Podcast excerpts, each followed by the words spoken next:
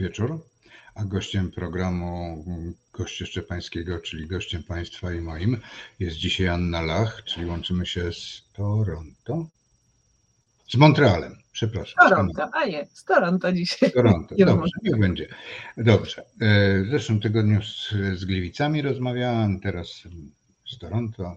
Wszystko, wszystko niedaleko i wszystko dobrze, e, dobrze słychać i widać i, i po prostu. Chciałem Cię po prostu, bo tak się zastanawiam, czy mam mówić Pani, ale chyba jednak nie. Nie, nie, zdecydowanie nie, za długo się zna. No właśnie. Tak sobie pomyślałem e, po dzisiejszych, patrząc na dzisiejsze kursy e, walut. E, akurat nie patrzyłem na dolara kanadyjskiego, ale wystarczy popatrzeć na kurs euro i kurs dolara amerykańskiego w stosunku do złotego albo złotego ten spadający kurs w stosunku do tych walut, o ruchach związanych z, ze stopami procentowymi, bo u nas mamy takiego, mamy taki bank centralny, który się nazywa Narodowy Bank Polski i prezesa Glapińskiego, który po swoim, w czasie swojego wykładu, monologu w zeszłym tygodniu stracił, e, znaczy to nie on stracił, tylko złoty stracił na wartości e, również coś koło 10 groszy w trakcie. To jest, to jest duży osiąg. To jest, a mm, ty pisałaś niedawno i mówiłaś o decyzji Banku Kanadyjskiego o pozostawieniu stóp procentowych, ale tam były jeszcze jakieś bardzo ciekawe wątki, które mi się spodobały albo zwróciły moją uwagę o trzech premierach, którzy się zwracali do Banku Centralnego. Tak, tak rzeczywiście było. U nas stopy procentowe są na poziomie 5% i e, jak mówi Tiff McClem, czyli gubernator Banku Kanady, Bank of Canada, tak raczej zostanie, albo znowu pójdą w górę. To wszystko zależy od sytuacji. Natomiast to, o czym ty wspominasz. Czyli jak pójdą, czyli jak pójdą w górę, to prawie się zrównają z tymi naszymi sześcioma e, sprzed tego zrobionymi tydzień temu. Troszkę, troszkę tak. E, z tym, że mm, u no nas sytuacja jest taka, że jest chyba niższa inflacja, bo ona wyniosła 3,3 E, w lipcu. A to ja tylko dodam, że u nas jest e, powyżej 10 cały czas. No to jest troszkę więcej, trzy razy więcej. Cel inflacyjny 2,5. U nas ten cel inflacyjny jest tak w okolicach 2%, e, no i jeszcze nie jesteśmy tam.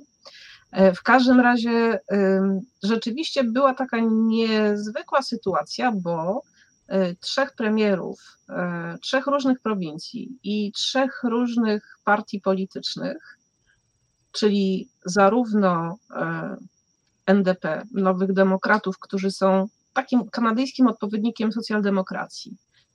W Kolumbii Brytyjskiej zwrócił się premier Abbey do e, gubernatora Banku Kanady, żeby no jednak nie podwyższał stóp, bo e, jest inflacja, kredyty są droższe i tak dalej, i tak dalej. Jest to duży problem.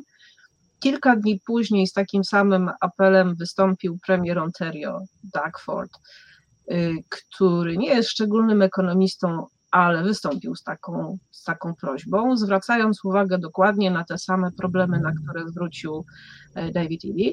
No i na koniec y, z takim, z taką propozycją, żeby jednak bank zwrócił uwagę na sytuację y,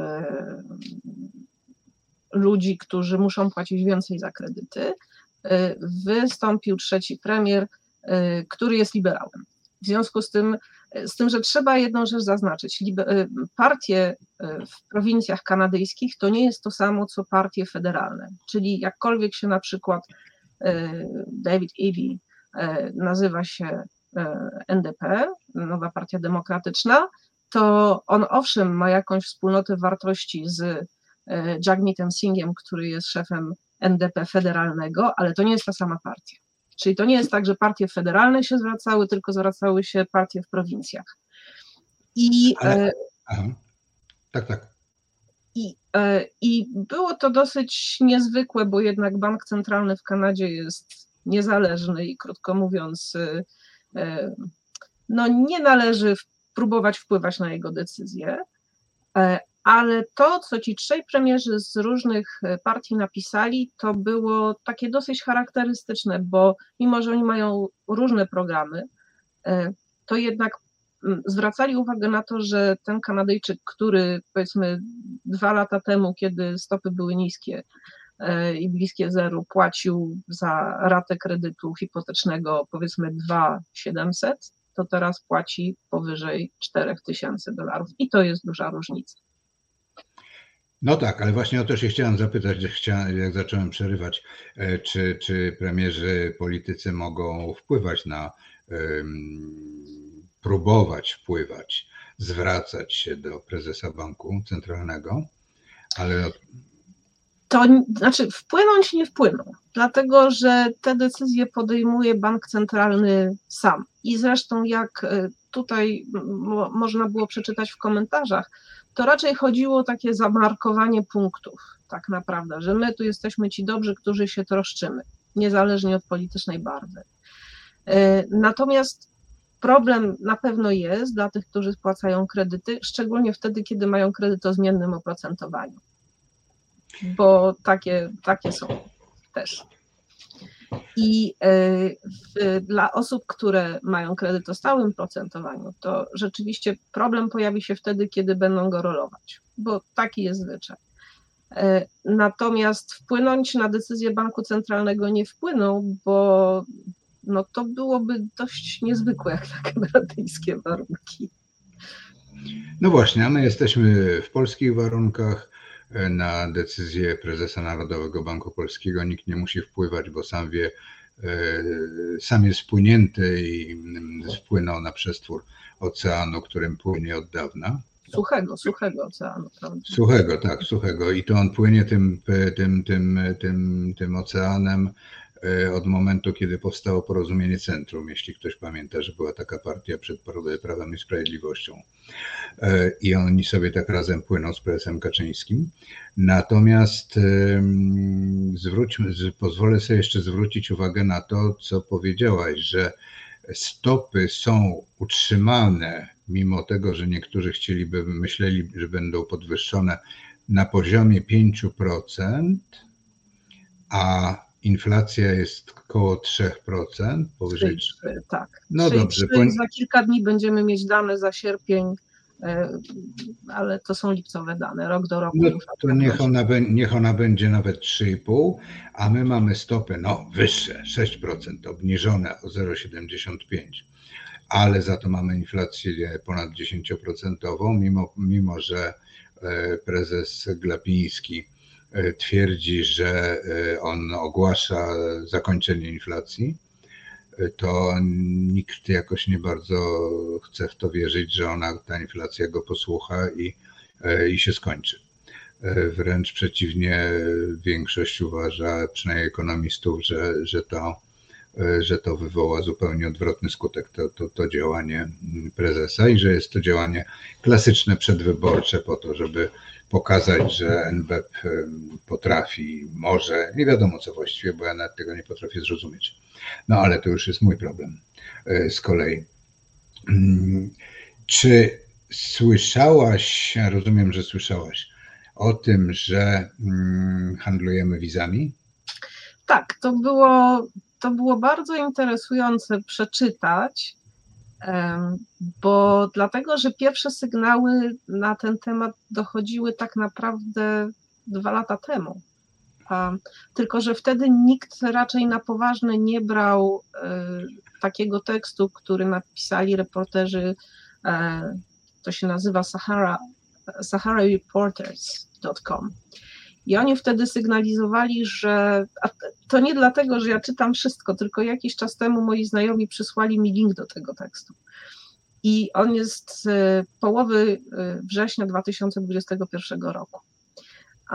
I wtedy opisano sytuację, która ma, miała miejsce w Abudży, w stolicy Nigerii wskazując na to, że jest bardzo trudno zarejestrować się y, w, y, na stronie internetowej ambasady po to, żeby udać się po wizę. I sygnalizowano również, że jest coś takiego jak handel wizami y, przed ambasadą. Ale to, to był to był chyba pierwszy tego typu, pierwszy tego typu ślad. No ale zawsze dochodzenia dziennikarskie trwają długo, bo jednak trzeba mieć niezbite dowody. No i tak, to zwróciło moją uwagę, bo no w Kanadzie takie rzeczy nie mają miejsca, handel wizami, natomiast y, to, to było bardzo interesujące. Znaczy ja sądzę, że to w ogóle jest interesujące zjawisko, bo w tej chwili um, mówi się już, ale to też są bardzo różne dane, bo one też nie wiadomo, czy one są prawdziwe, czy one są nieprawdziwe, czy one są y, już w ramach, nazwijmy to, kampanii wyborczej czy, czy, czy stanu faktycznego, ale um, liczby są imponujące między 300 a 400 tysięcy. E, tych wiz wydanych, więc sprzedanych, przepraszam, nie wydanych, tylko sprzedanych, znaczy wydanych i przedtem sprzedanych. E, I to jest e, proceder dość, powiedziałbym, słabo wskazującym na powagę, powagę państwa, powagę. No pewnie tak to można określić. No właśnie się zastanawiam. Bo z tego co wiem, co mi się udało i co zresztą y, posłowie, którzy weszli do, mm, do Ministerstwa Spraw Zagranicznych y, z kontrolą, y, udało im się ustalić, że to jednak nie była tylko polskie służby, które weszły do tego MSZ-u, ale one znaczy weszły w momencie, kiedy zostały zdecydowanie o to poproszone przez E, europejskie i, i pozaeuropejskie, więc to znaczy, że to już było mm, bardzo, bardzo mocno za, mm, zaawansowany proceder. Natomiast e, to jest e, jedna rzecz, to jest no, paranoja całego, całej sytuacji, kiedy prezes Kaczyński ogłasza referendum, czy chcemy, czy że nie chcemy żadnych imigrantów przyjmować. Postawiony płot na granicy z Białorusią ściek i wulgaryzmy płynące pod adresem Agnieszki Holland e, za film e, Zielona Granica, czyli film. Który w Toronto też jest pokazywany w czasie TIFF, tak? No to fantastycznie i, i to będzie, znaczy to już takie rzeczy bywały. Ja pamiętam, że na przykład taki spektakl teatralny Dziady, niejakiego Mickiewicza, Adama e, w reżyserii niejakiego Dejmka który był zdjęty, y, bo się władzy nie podobało. No różne rzeczy pamiętam, ale to trudno. Ja zupełnie od czapy, ale bo tutaj mi, mnie zaatakował Aniu, znaczy nie, nie, nie, nie zaatakował, bez przesady z tym zaatakowaniem. Pan Julo, Pan Julo napisał, mm, że pan Julo tu napisał i zupełnie coś, o czym nie będziesz wiedział co, w tym momencie o co chodzi, że mm, bo myśmy się pospierali trochę o Narutowicza, ale też mhm. i o Damowicza. Pan Julo ma swoją jakąś koncepcję.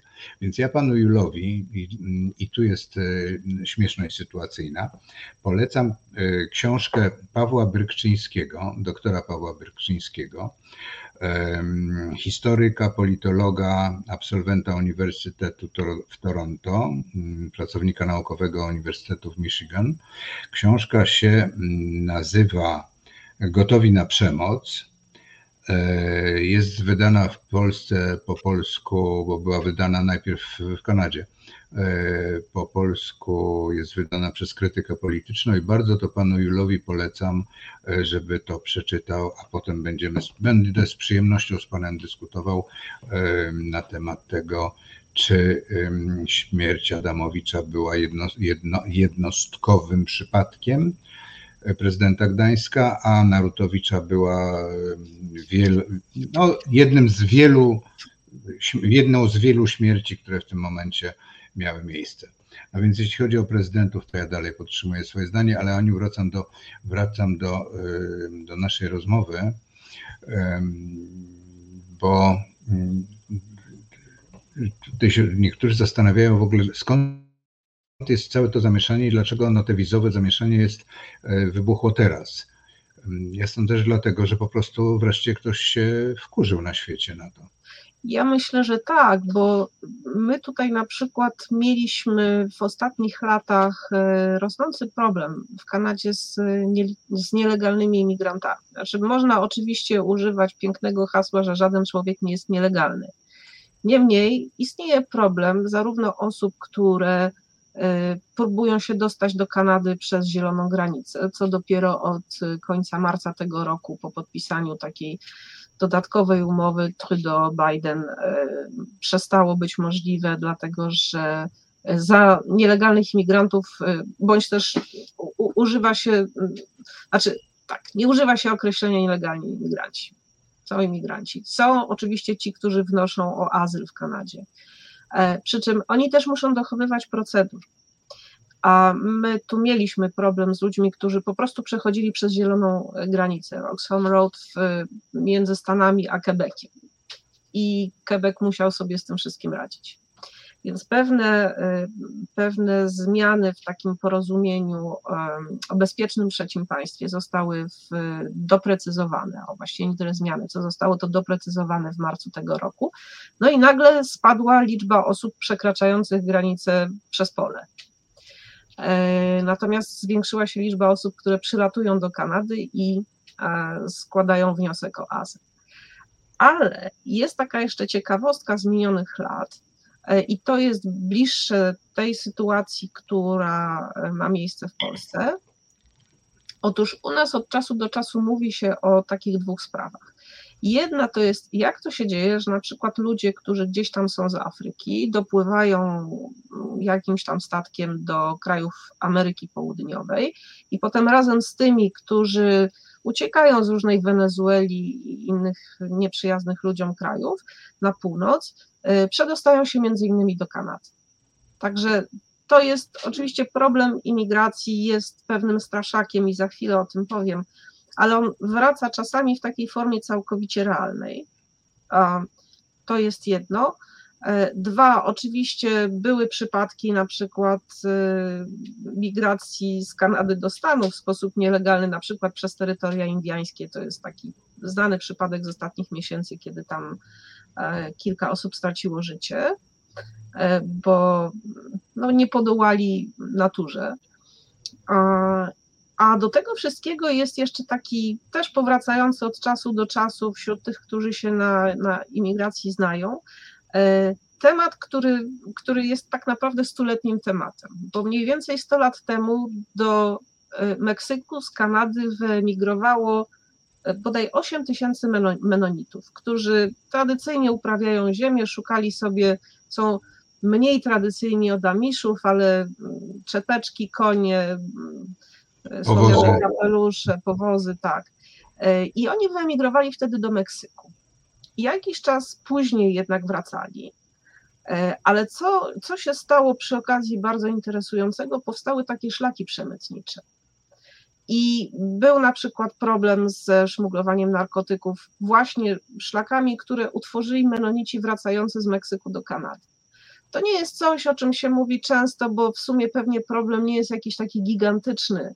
E, my oczywiście mamy też nasz problem z, fentano, z fentanylem i szmuglem e, narkotyków z różnych nieciekawych miejsc na świecie. Ale y, te takie różne imigracyjne szlaki to nie jest coś, co się tworzyło, nielegalne imigracyjne szlaki, to nie jest coś, co się tworzyło w ostatniej chwili. Tak? To czasami ma stuletnią tradycję. I oczywiście, że jest tak, że ponieważ Kanada jest krajem imigrantów, i w tej chwili w Kanadzie jest ponad 20% osób, Kanadyjczyków, którzy nie urodzili się Kanadyjczykami, są naturalizowani. W Polsce to jest 2%, przynajmniej jeśli ja dobrze pamiętam dane OECD. No one się teraz trochę zmieniły. Bo... Pewnie się trochę zmieniły. Tak. E, w każdym razie to jest duża różnica. U nas jest powyżej 21%, dokładnie e, za mm, kilkanaście lat to ma być około 30%. I oczywiście, że w tym momencie pojawia się problem, e, że nie wszystkim się tak duża imigracja podoba, dlatego że oczywiście to też tworzy pewne problemy. I my mamy w tej chwili problem na przykład z mieszkaniami, dlatego że e, od 40 lat w Kanadzie nie było takich dużych programów budownictwa mieszkaniowego, które byłoby niekomercyjnym budownictwem, tylko na przykład budownictwem miejskim, y, spółdzielczym, komunalnym. E, Czyli takim na, na, wynajem bardziej. Takim na wynajem, że przecież większość Kanadyjczyków ma dom, ale często to wcale nie jest dlatego, że y, są tacy bogaci, tylko dlatego, że nie mają wyjścia. bo, po bo po prostu nie ma, nie ma gdzie wynająć mieszkania. I to, zresztą to jest olbrzymia róż, różnica między tym, co było tutaj 20 lat temu, kiedy jeszcze budownictwo mieszkaniowe było określane mianem dostępnego cenowo, affordable, a w tej chwili już tak nie jest. I e, no ale imigranci, których teraz się pojawia co roku e, około 450 tysięcy, jeśli mnie pamięć nie myli, to w ubiegłym roku to było chyba 430 parę tysięcy, e, oni gdzieś muszą mieszkać. I z jednej strony oczywiście jest tak, że w olbrzymi sposób przyczyniają się do gospodarki kanadyjskiej. I oczywiście jest tak, że mm, zarabiają, wydają tutaj pieniądze, więc też tworzą miejsca pracy, na co wskazują statystyki o tym, co robią imigranci. Mnóstwo lekarzy jest imigrantami, inżynierów, ale gdzieś muszą mieszkać. I kiedy jedyne, co można zrobić tak naprawdę, to jest kupić dom czy mieszkanie, no to się robi konkurencja i ceny zaczynają szaleć. E, I oczywiście, że jest coś takiego jak taki imigracyjny straszak, który w tym przypadku nie jest bez powodu, bo y, tylko nie dlatego, że imigranci są źli, tylko dlatego, że no gdzieś trzeba mieszkać. No i bliższa ciału koszula. E, więc trudno jest pogodzić z jednej strony takie sympatyczne nastawienie, jak jeszcze było w zeszłym roku, że 30% Kanadyjczyków uważa, że poziom imigracji nie jest za duży. E, dwa lata, trzy lata wcześniej to było e, jednak inaczej, bo około 50% uważało, że jest za dużo imigrantów. I teraz znowu kilka, w ostatnich dniach pojawił się taki jakiś kolejny sondaż, według którego 53% Kanadyjczyków uważają, że Kanada powinna przyjmować e, mniej imigrantów e, niż jest w planach federalnych. Także to jest bardzo wygodny straszak, tylko że on ma jakieś rzeczywiste podstawy. I, e, no i rozwiązanie problemu mieszkaniowego to jest w tej chwili olbrzymie wyzwanie dla rządu Trudeau i jest tu zresztą pewna E, pewna ironia losu, ponieważ ostatnie programy federalne budownictwa takiego dużego, mieszkaniowego, które by dawały dostęp do całkiem przyzwoitych mieszkań za nie za wielkie pieniądze, to robił ojciec Trudeau 40 lat temu, kiedy był premierem. No i teraz jego syna spadł, spadła konieczność jakiegoś poradzenia sobie z tym, mimo że zgodnie z kanadyjską konstytucją rzeczy dotyczące własności, w tym między innymi mieszkalnictwa, należą do prowincji. No, a większość premierów prowincji kanadyjskich to są oczywiście w tej chwili, znaczy nie oczywiście, ale to są w tej chwili konserwatyści. W związku z tym, to dlaczego niby mają robić dobrze rządowi, którego nie lubią, prawda? Tak to Zrozumiałe. Ale bo jeżeli to są, y, czyli można powiedzieć samorządowe, y, porównując trochę z naszymi y, realiami. Wojewódzkie. Raczej Wo...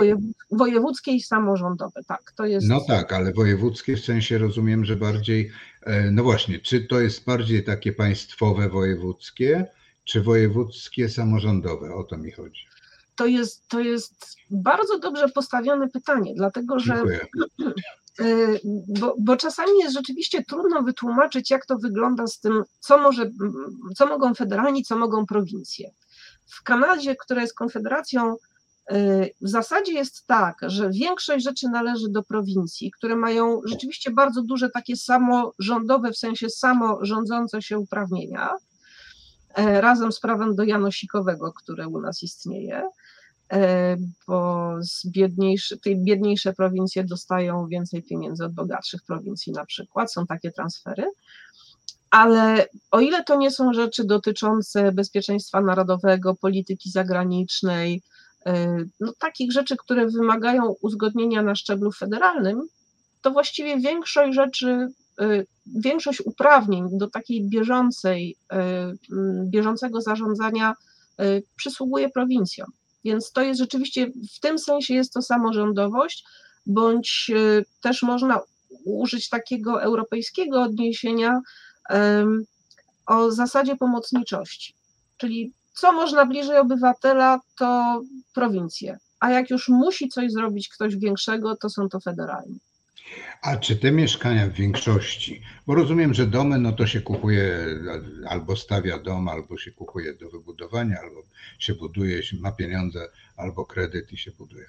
A czy te mieszkania takie w tych wielkich, w dużych blokach, czy to są mieszkania bardziej własnościowe, tak jak po nasze, po, w Polsce, czy, e, czy to są mieszkania takie na wynajem, budowane i wynajmowane nie od prywatnych właścicieli, tylko od samorządów, czy tam właśnie jest wiele różnych rozwiązań, bo jest na przykład oczywiście tak, że są budynki, które, jak mówi Polonia, to są budynki apartamentowe, których kupuje się mieszkania i w związku z tym jest wtedy zarejestrowana specjalnie do każdego takiego budynku bądź osiedla korporacja, która tym zarządza, natomiast prawo własności należy do właściciela, tak? W zasadzie. Czyli ma swoje mieszkanie i kawałek, mieszkanie, kawałek tak. schodów.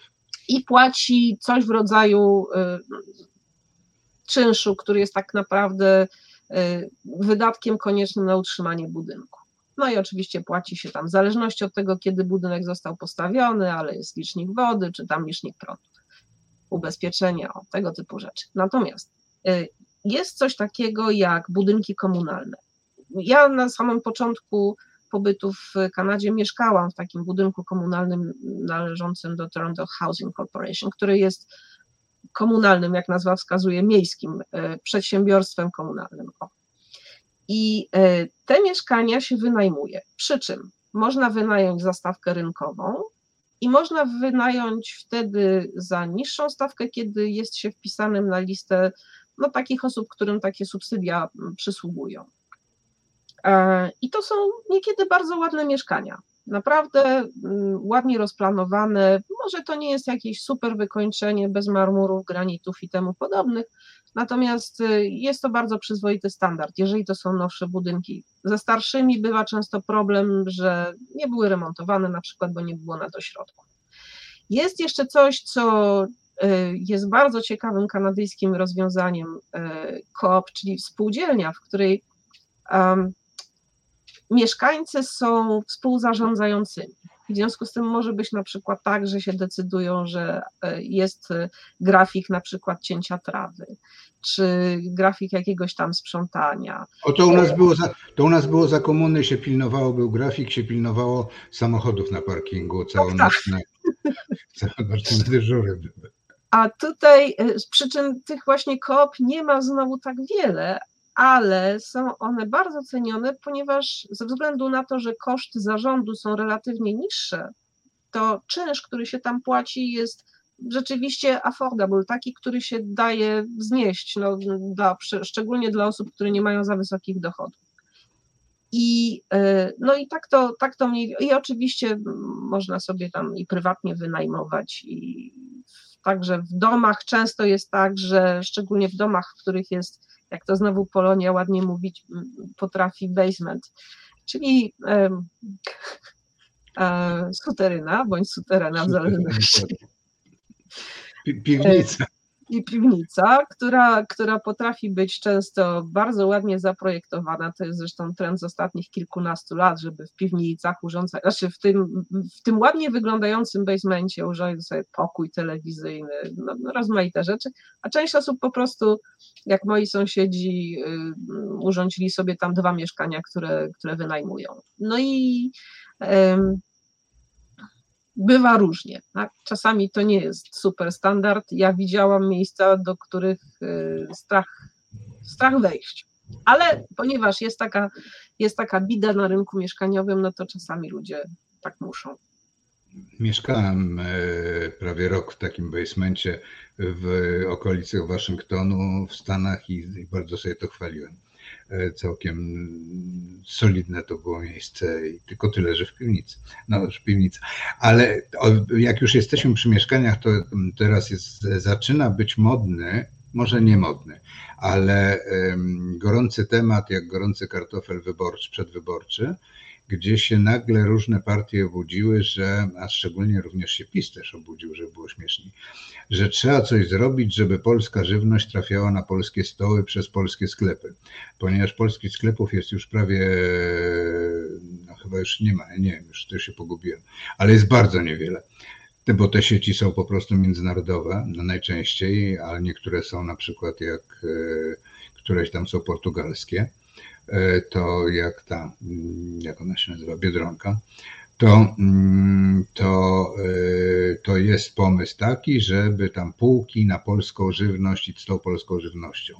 E, ty mówiłaś kiedyś o, o czymś takim jak lokalne mm, targowiska takie. I to też jest taki pomysł, który nie wiem, czy przyszedł z Kanady, czy przyszedł na przykład z Paryża, ale właśnie też jest taki do. Też na to wpadnięto wreszcie, że można, może można takie rzeczy zorganizować, takie sytuacje, takie zorganizować targowiska i, i, i sprzedawać, żeby rolnicy sprzedawali. Jak to tam wygląda? Już się, już się zamykam. To nie, nie, to, to jest rzeczywiście tak. Może i przyszło z Paryża, bo ja to znam z Paryża. Miałam taki targ koło siebie i ale rzeczywiście w Kanadzie funkcjonuje całkiem nieźle to przywiązanie do lokalnego, e, lokalnego producenta. Znaczy, na pewno ludziom rzecz się staje coraz bliższa, bo się coraz więcej mówi na temat tego, że jest zupełnie rzeczą bezsensowną, żeby truskawki jechały do nas kilka tysięcy kilometrów e, ze Stanów albo z Meksyku, kiedy znacznie lepsze, szczerze mówiąc, truskawki są w Ontario albo w Quebec. I zaczynając w takim razie od tych farmers market. Ja mam koło siebie, znaczy koło siebie, blisko. Można się przejść, można pojechać rowerem. E, dwa farmers market, które funkcjonują w środy. E, przyjeżdżają tam rzeczywiście farmerzy e, i przyjeżdżają, no właśnie, chociażby teraz z truskawkami i brzoskwiniami ale nie tylko, bo są na przykład lokalni producenci żywności. I tak, żeby jeszcze nawiązać do imigrantów, bo to też jest ważna rzecz w związku z żywnością. Kanada importuje, brzydko mówiąc, co roku kilkaset tysięcy pracowników rolnych, ponieważ na tych wielkich farmach ktoś musi pracować. I się okazuje, że Kanadyjczycy już tak może niekoniecznie. A nie każdy z imigrantów. Zupełnie, Kanady... To zupełnie jak Polacy. No, ciężka praca przy tych szparagach i nie tylko.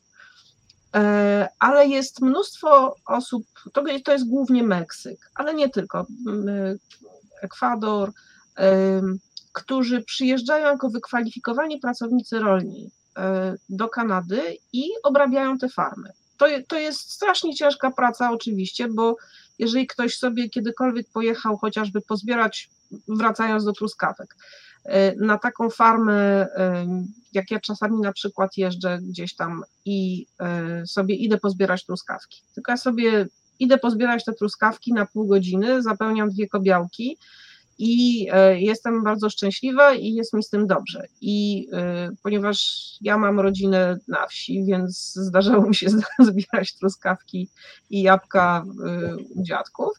W związku z tym ja wiem, co to jest za robota, jeżeli się to robi dłużej niż pół godziny ale ja patrzę na ludzi, którzy tam przyjeżdżają i nagle do, doznają olśnienia, że ale jak to tak, bo to słychać takie rozmowy. To oni tak cały dzień? No tak, cały dzień. E, więc e, imigranci to jest, to jest jeszcze właśnie, e, parę dni temu był nawet jakiś taki apel ONZ-u, żeby polepszyć sytuację pracowników rolnych w Kanadzie, dlatego że to jest współczesne niewolnictwo. Bo rzeczywiście zdarzają się farmy, na których jest, warunki są skandaliczne no więc imigranci. Ale wracając do tych y, farmers market, jest tak, że ja na przykład na takim y, ryneczku, który odwiedzam czasami, po te truskawki i nie tylko, spotykam takich imigrantów z Iranu, którzy otworzyli piekarnię i pieką świetny chleb i robią rozmaite sosy. I dla nich jest to też jakiś sposób na to, żeby zaistnieć, zafunkcjonować tutaj. I ponieważ spotykam ich tam od lat, to zakładam, że im to całkiem przyzwoicie idzie, no bo by inaczej się zamknęli. E, więc e, to, to jedzenie w Kanadzie jest bliskie imigracji również. I teraz e, na przykład na terenie Ontario, które jest bardzo rolniczym, wbrew pozorom rolniczą prowincją, istnieje coś takiego jak od, od kilkunastu nie pamiętam dokładnie, ale to, rzecz nie jest nowa. Y, na przykład, kiedy się idzie do sklepu i kupuje się chociażby te nie wiem, czereśnie albo inne brzoskwinie, to bardzo często widać taki napis na, y, na pudełku y, Foodland Ontario. To jest taki koncept, żeby właśnie promować to, co lokalne. I to, to jest program, w który od lat są zaangażowane rządy prowincji, żeby pokazać, jak ładnie brzmi zresztą hasło reklamowe, że y, dobre rzeczy rosną w Ontario. E, przy czym, no właśnie ta, ta, ta farma, na którą ja czasami lubię pojechać, y, przypomina o tym, że jeszcze tam 50 lat temu 70% produktów, które trafiało na stół, to, to, to było przywożonych tam z bliskiej relatywnie odległości 100-200 kilometrów. W tej chwili jest to tylko 30%, czy jakoś tak. Więc e, to są te rzędy wielkości. E, więc e, tak, takie przypominanie o tym, że na miejscu rośnie coś, co jest ważne, jest bardzo, jest bardzo istotne. No, no tak, ja miałem od, niedawno takie doświadczenie na bazarze, na który czasami mi się zdarza pójść. E, no, na bazarze zdawałoby się, że będzie ten, jak to tam, na, na nasze polskie, ale no i, i zwykłe ziemniaki kupowałem i najpierw się pan mnie zapytał, takie śmakie czy owakie, tu wymienił różne gatunki, czy izraelskie. Ponieważ izraelskie były najtańsze, więc wziąłem izraelskie. Ale, e, ale, mm, ale bardzo mnie to rozbawiło, że właśnie e, też e, izraelskie ziemniaki na, na targu na Banacha w Warszawie, w centrum, no może nie w centrum, na Ochocie takie rzeczy występują. E, czyli, mm, ale te, te, mm, bo nie ma takiego e, zakazu w Kanadzie, znaczy no nie zakazu właściwie, czy czegoś w rodzaju wspólnego rynku, jak mamy w Europie, że wszystkie produkty po prostu mogą być sprzedawane we wszystkich sklepach, we wszystkich państwach Unii Europejskiej. Czyli to, tak to, tak to nie funkcjonuje, oczywiście ze względu na kwestie organizacyjne. Tutejszego rynku, ale y, jest na przykład tak, że wielu Kanadyjczyków y, nie jest za bardzo chętnych kupować produkty amerykańskie. Dlaczego? Dlatego, że tam można używać. To są w celach. Nie, my też mamy wiele rzeczy w calach. System metryczny w Kanadzie obowiązuje formalnie, natomiast na przykład w budownictwie wszystko będzie, znowu jak to Polonia mówi, w inczach. W inczach. Skocz na korner po ucho. No, no, no właśnie. E, I zerknij no Kazia za tak, czy, czy karoca nie przyjechali, więc e, to, to, to jest to nawet nie kwestia metryczności bądź nie, tylko rzeczywiście Amerykanie mają znacznie bardziej, znacznie większą dowolność używania na przykład e, antybiotyków przy hodowli zwierząt. U nas jest to do celów leczniczych, nie, no są, w tym, są w tym ograniczenia. Jeżeli chodzi również o używanie środków ochrony roślin, u nas też działają wielkie firmy, e, które naciskają na to, żeby na przykład dopuszczać to czy tamto do użytku, ale mm, jednak mimo wszystko Kanadyjczycy są przywiązani do, do takiej lokalności rozumianej jako kanadyjskość. Bo jeżeli coś do mnie przyjedzie z Quebecu i będą to truskawki, jest ok. Ale jeżeli by miało przyjechać ze Stanów, no dobra, zimą wiele osób na to machnie ręką, ale o, o, tej lokalności się mówi coraz więcej i pewnie będzie to jeszcze bardzo długo trwało. I w związku z tym na przykład pojawiają się takie rzeczy jak e, pewnie wiele osób nie wie, w Kana- na przykład w Toronto funkcjonują działki. Można sobie działkę pracowniczą wynająć od miasta. E, w, w Quebecu jest to samo. Wiele osób. I tam sobie uprawiać marcheweczki, truskaweczki. Tak, tak. Oraz różne inne rzeczy. I e, więc dla wielu osób to jest e, tylko zabawa, a dla wielu osób jest to w sumie całkiem istotna rzecz, żeby jakoś tam podratować domowy budżet. E, jest coraz więcej takich, takich przedsięwzięć, jak, jak są na przykład w Quebecu, gdzie funkcjonuje całkiem sporo miejskich farm, które na przykład wykorzystują dachy. E, więc y, o tym, że w różnych miejscach, na różnych uniwersytetach, na dachach są pszczoły, to oczywiście nie jest już nic nowego nigdzie. Ale y, ja myślę, że Kanadyjczycy są przywiązani do, do lokalności jedzenia, tym bardziej, że teraz coraz bardziej widzą, jak to jest istotne. Ale te pszczoły to one w ogóle rzeczywiście jest, jest bo mm, przecież takie ogródki pszczelarskie na dachach y, nawet wielkich budynków biurowych szczególnie, nie tylko zresztą mieszkalnych też, to one już zaczynają istnieć i w Warszawie. Nie wiem jak w innych miastach, pewnie bardziej nawet, ale to już zaczyna, zaczyna się roz, lekko rozpowszechniać po prostu. Ja na Także... przykład kupuję miód od takiego pana pszczelarza, który przyjeżdża właśnie na jeden z tych moich bazarków, tak? E, I, e, i sprzedaje tam znakomity miód. E, I on jest z terenu Toronto. Po prostu. Tak. No ja kupuję zazwyczaj miód z okolic słynnego usnarza i te pszczoły, które tam ten miód wytwarzają, to one przynajmniej do niedawna jeszcze latały po usnażu murowanym, czyli tym, który jest e, na Białorusi, czyli po drugiej stronie granicy. A teraz nie wiem, bo ostatnio jakoś tam nie byłem. A jeszcze teraz, jak przeczytałem książkę, polecam Greenberga, Mikołaja Greenberga, Jezus umarł, umarł w Polsce, to, mm, to chyba jednak pojadę zobaczyć po hmm. prostu. Strasznie.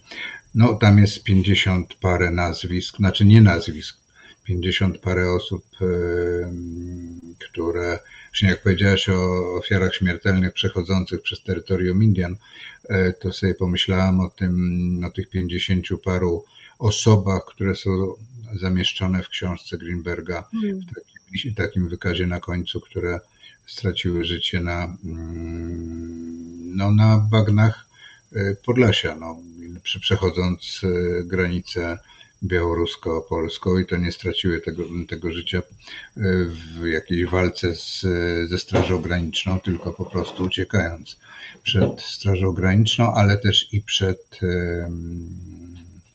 przed naszymi ludźmi, Polakami, którzy bardzo często zamiast pomagać, to z przyjemnością informują Straż Graniczną, gdzie kto siedzi w jakim lesie, żeby go wyłapali.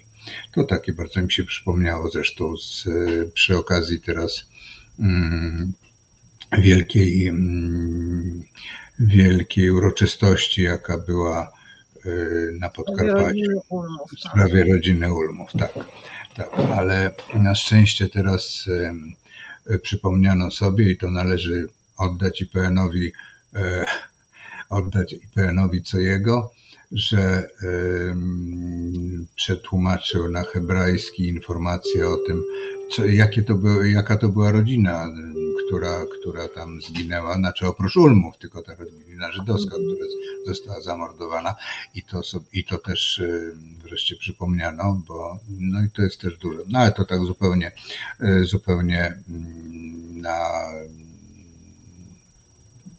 z boku naszej rozmowy. Jakoś mi się tak skojarzyło. Dzisiaj mam w ogóle jakieś skojarzenia, bo e, te wizowe sprawy mi się skojarzyły z kolei z, e, o czwartej, jak rozmawiałem z Koziem Wójcickim, z, e, z wyjazdami do Palestyny w latach 30. z Polski. I dokładnie tam jedną osobę delegowano, żeby kupowano bilet, wizę, paszport za ciężkie pieniądze, żeby pojechała i tam była i akurat się tak składało najczęściej, że ta jedna przeżyła później.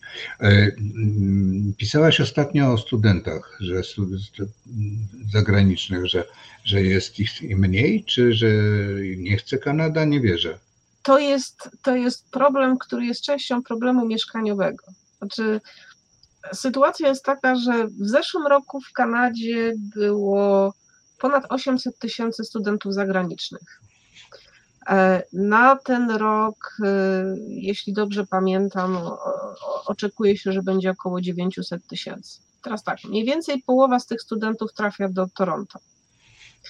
E, z tej połowy studentów z reguły około 60-70% po skończonych studiach chciałoby zostać w Kanadzie.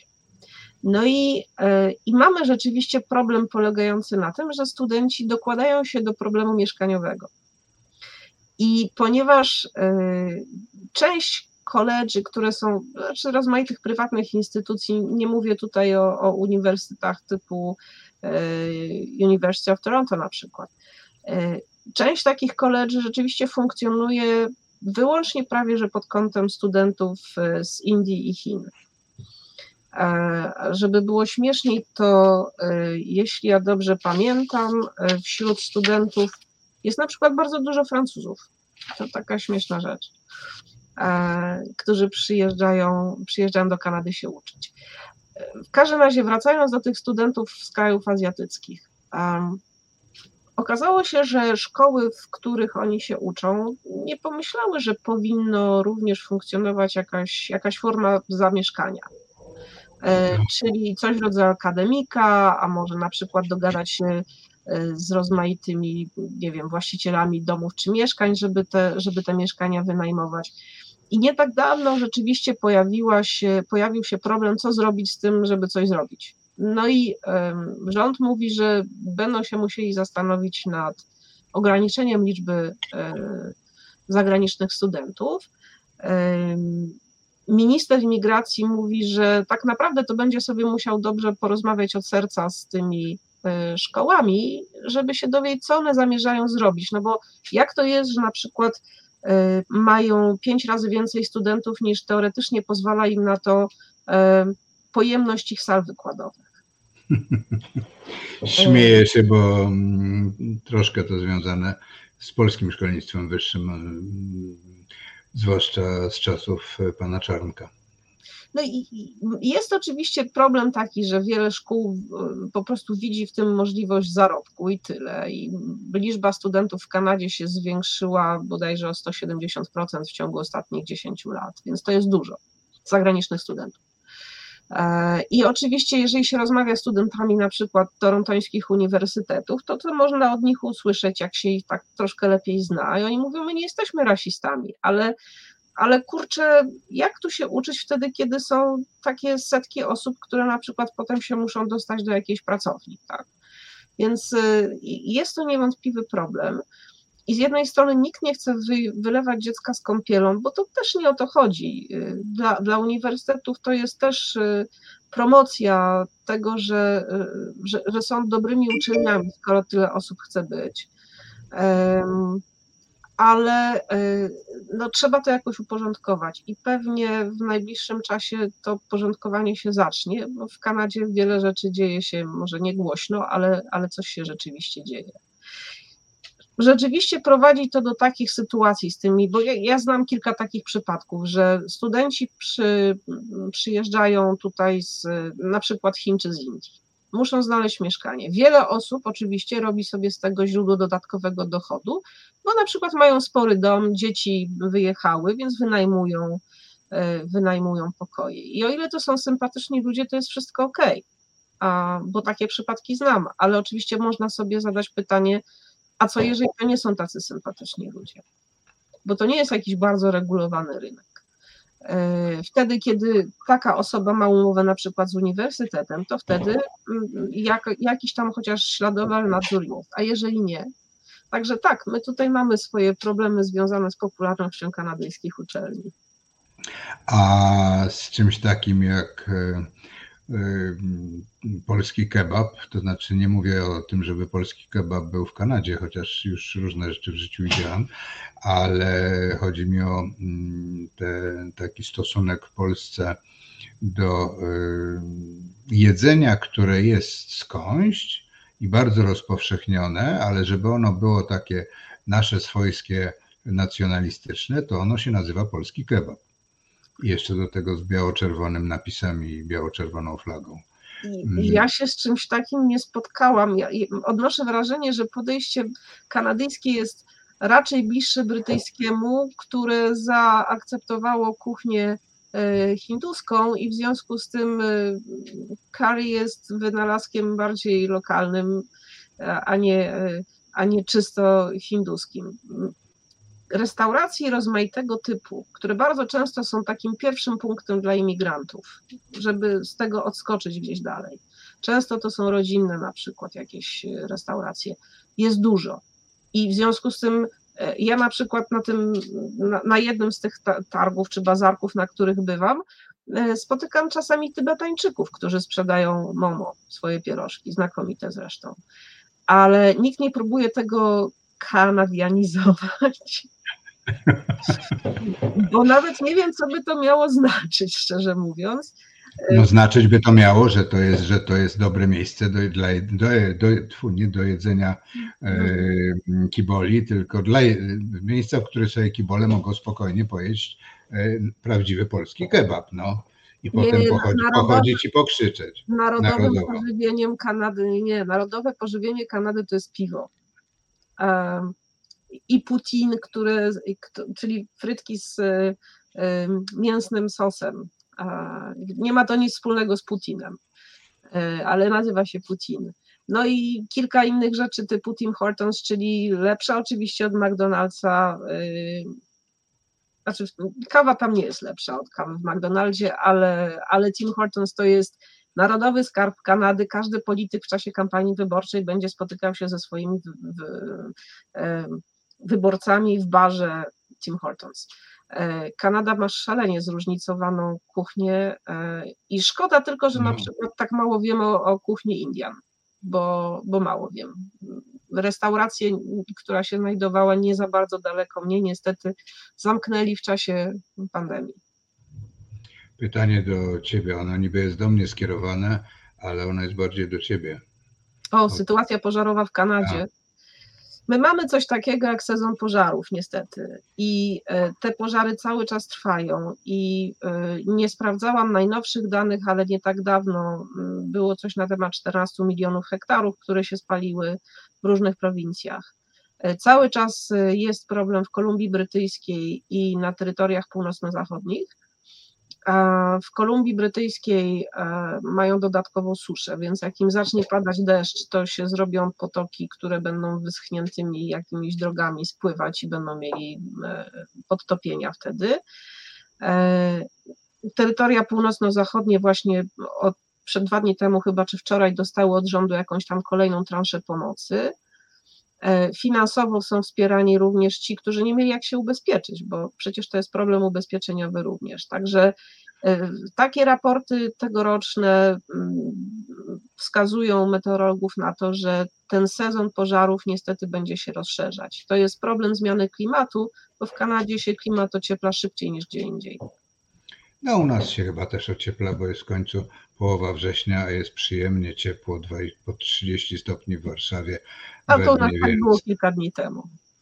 E, ja mam jeszcze jedno pytanie, bo e, z tymi z kolei, znaczy nie z wizami, ale to się wiąże z MSZ-em, czyli czy coś wiesz na temat organizacji miejsc do głosowania?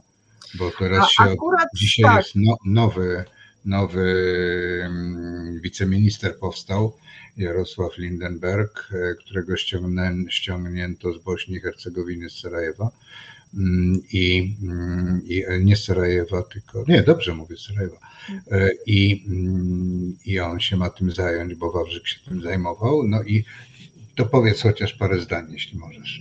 E, mogę powiedzieć tyle, że w projekcie, o którym zdaje się dzisiaj sporo pisano w polskich mediach, E, jest e, również fragment dotyczący Kanady, gdzie się dotychczas głosowało wyłącznie w placówkach dyplomatycznych, natomiast tegoroczne wybory plus to referendum to coś, tak. Mhm. E, będą się odbywać na terenie GTA, znaczy metropolii Toronto, także poza konsulatem i z tego co wiem, będzie kilka, w sumie będzie 12 bodajże komisji wyborczych na terenie, komisji wyborczych na terenie Kanady, z czego bodajże 5 tutaj w GTA i będą nie tylko w konsulacie i nie tylko w ambasadzie w Ottawie, ale będą również w Mississauga, co oczywiście dla osób, Polonia mieszka głównie w Mississauga, na zachód od Toronto, E, I dla nich oczywiście będzie łatwiej, kiedy już zacznie funkcjonować ten system rejestracyjny wyborców elektroniczny.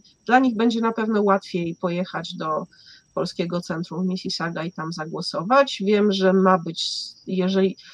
Oczywiście Kanada jeszcze musi na to wyrazić zgodę. E, I pewnie wyrazi tę zgodę, no bo dlaczego nie? No, ma doświadczenia z naciskami MSZ-u na. E, na Tomasza Łukaszuka. Tak, dokładnie. Znaczy, ja oczywiście y, tak sobie myślę, że oczywiście, że może być tak, że ktoś na przykład po stronie kanadyjskiej powie sobie, ok, damy im te 2-3 dni dłużej poczekać, niech sobie mają, ale tego nie wiem. To są tylko moje przypuszczenia i spekulacje. Natomiast ponieważ Kanada jest krajem praworządnym, więc y, pewnie się zgodzi na te. To, to byłoby pierwszy raz y, w, w historii takich relacji kanadyjsko-polskich, kiedy okręgi wyborcze i komisje wyborcze będą również poza budynkami e, placówek dyplomatycznych. A jest, za, a jest zainteresowanie? Mówię nie, nie, nie w Kanadzie, znaczy w Kanadzie, ale wśród Polonii. Wśród Polonii, y, jak ja Czy ostatnio... ludzi, czy ludzi polskiego, z polskimi mm, dokumentami, z polskim pochodzeniem, różnie, no, różnie to liczyć można. czy E. Z tego co wiem, to na przykład y, w wyborach prezydenckich ostatnio w Toronto pakiety wyborcze trafiły do bodajże coś 7 tysięcy osób. Ile osób miałoby prawo głosować w Kanadzie? Nie wiem, bo Polonii jest ponad, y, ponad milion, milion sto tysięcy, troszkę mniej niż Ukraińców. E, I Ile osób będzie chciało głosować, nie wiem. Pytanie, czy będzie głosować tylko tak zwana stara Polonia, czy na przykład, ja, ja słyszę od moich znajomych, którzy są takimi, no mniej więcej takimi imigrantami jak ja, e, że jak nigdy nie głosują w wyborach polskich, ponieważ tam nie mieszkają, to w tym roku pójdą głosować. Więc y, może się okazać, że na przykład sporo młodych osób, ale to też są tylko spekulacje, bo osoby, z którymi ja rozmawiam, wcale nie są reprezentatywne dla ogółu Polonii. Sama jestem bardzo ciekawa, jak to będzie wyglądać. No, też jestem ciekaw, jak to będzie wyglądać i jak to będzie wyglądać e, dzień albo dwa dni po, czyli 16 albo no, raczej 17. U nas głosowanie będzie 14, października. bo u nas jest, to, to, to, już jest, to już jest absolutnie oficjalnie, bo to jest na stronie MSZ-u, że głosowanie y, na terenie Kanady jest dzień przed głosowaniem polskim, no bo Państwowa Komisja Wyborcza w jakimś sensownym trybie musi to zliczyć, więc u nas trzeba, no, a są 24 godziny, jeśli ja dobrze pamiętam, na policzenie głosów zagranicznych, więc te komisje wyborcze muszą się, muszą się z tym jakoś y, wyrobić i na pewno to będzie bardzo ciężkie zadanie. Mam nadzieję, że też w tym roku będę, jak i przy poprzednich wyborach, wielu poprzednich wyborach byłem e, po prostu członkiem komisji. E, Mam nadzieję, że też w tym roku będę, więc będę miał obserwacje, tak powiem, z pierwszej mm, organoleptycznie poczynione. Niektóre doświadczenia z poprzednich wyborów bardzo mnie mm, no, denerwowały, szczególnie, szczególnie e, zły stosunek em, osób, które w, z lokali, w których się odbywały te wybory, do komisji, które dalej liczyły rano, w południe następnego dnia e, i no i to był problem. Ciekawe, w tym roku podejrzewam będzie to jeszcze większy problem, więc, więc bardzo jestem ciekaw tego, e, jak to będzie wyglądało. Ale już tutaj słyszę, że mi wybija y, u ciebie czwartą. Kuranty, moje kuranty wal, wal, biją dziesiątą. E, Przypomnę, że gościem pro, programu była pani Anna Lach, prosto z Toronto. E, Nic nam nie przerywało, nic nam nie przeszkadzało oprócz mojego zegara e, i mojego wtrącania się i bardzo dziękuję za rozmowę. E, To ja I bardzo dziękuję. Jak to się Mm. ładnie mówi, thank you for having me. dziękuję bardzo, również. Dziękuję i no, polecam się na przyszłość. A sądzę, że moi słuchacze tutaj będą jeszcze chcieli kiedyś posłuchać, porozmawiać. Dziękuję bardzo, do zobaczenia. Jarosław Szczepański. A przypominam, lajkujcie, subskrybujcie, e, komentujcie, bo to jest bardzo ważne, zwłaszcza w tych wszystkich algorytmach e, YouTube'owych, Facebookowych i wszelakich innych. E, Przypomnę, że producentem tego programu był pan Przemysław Boczar, bo to jest producent miesiąca, czyli inaczej mówiąc, panu Boczarowi dziękujemy za łaskawe potraktowanie, mm, czyli wsparcie resetu obywatelskiego. Jarosław Szczepański, dziękuję bardzo, do zobaczenia, do usłyszenia.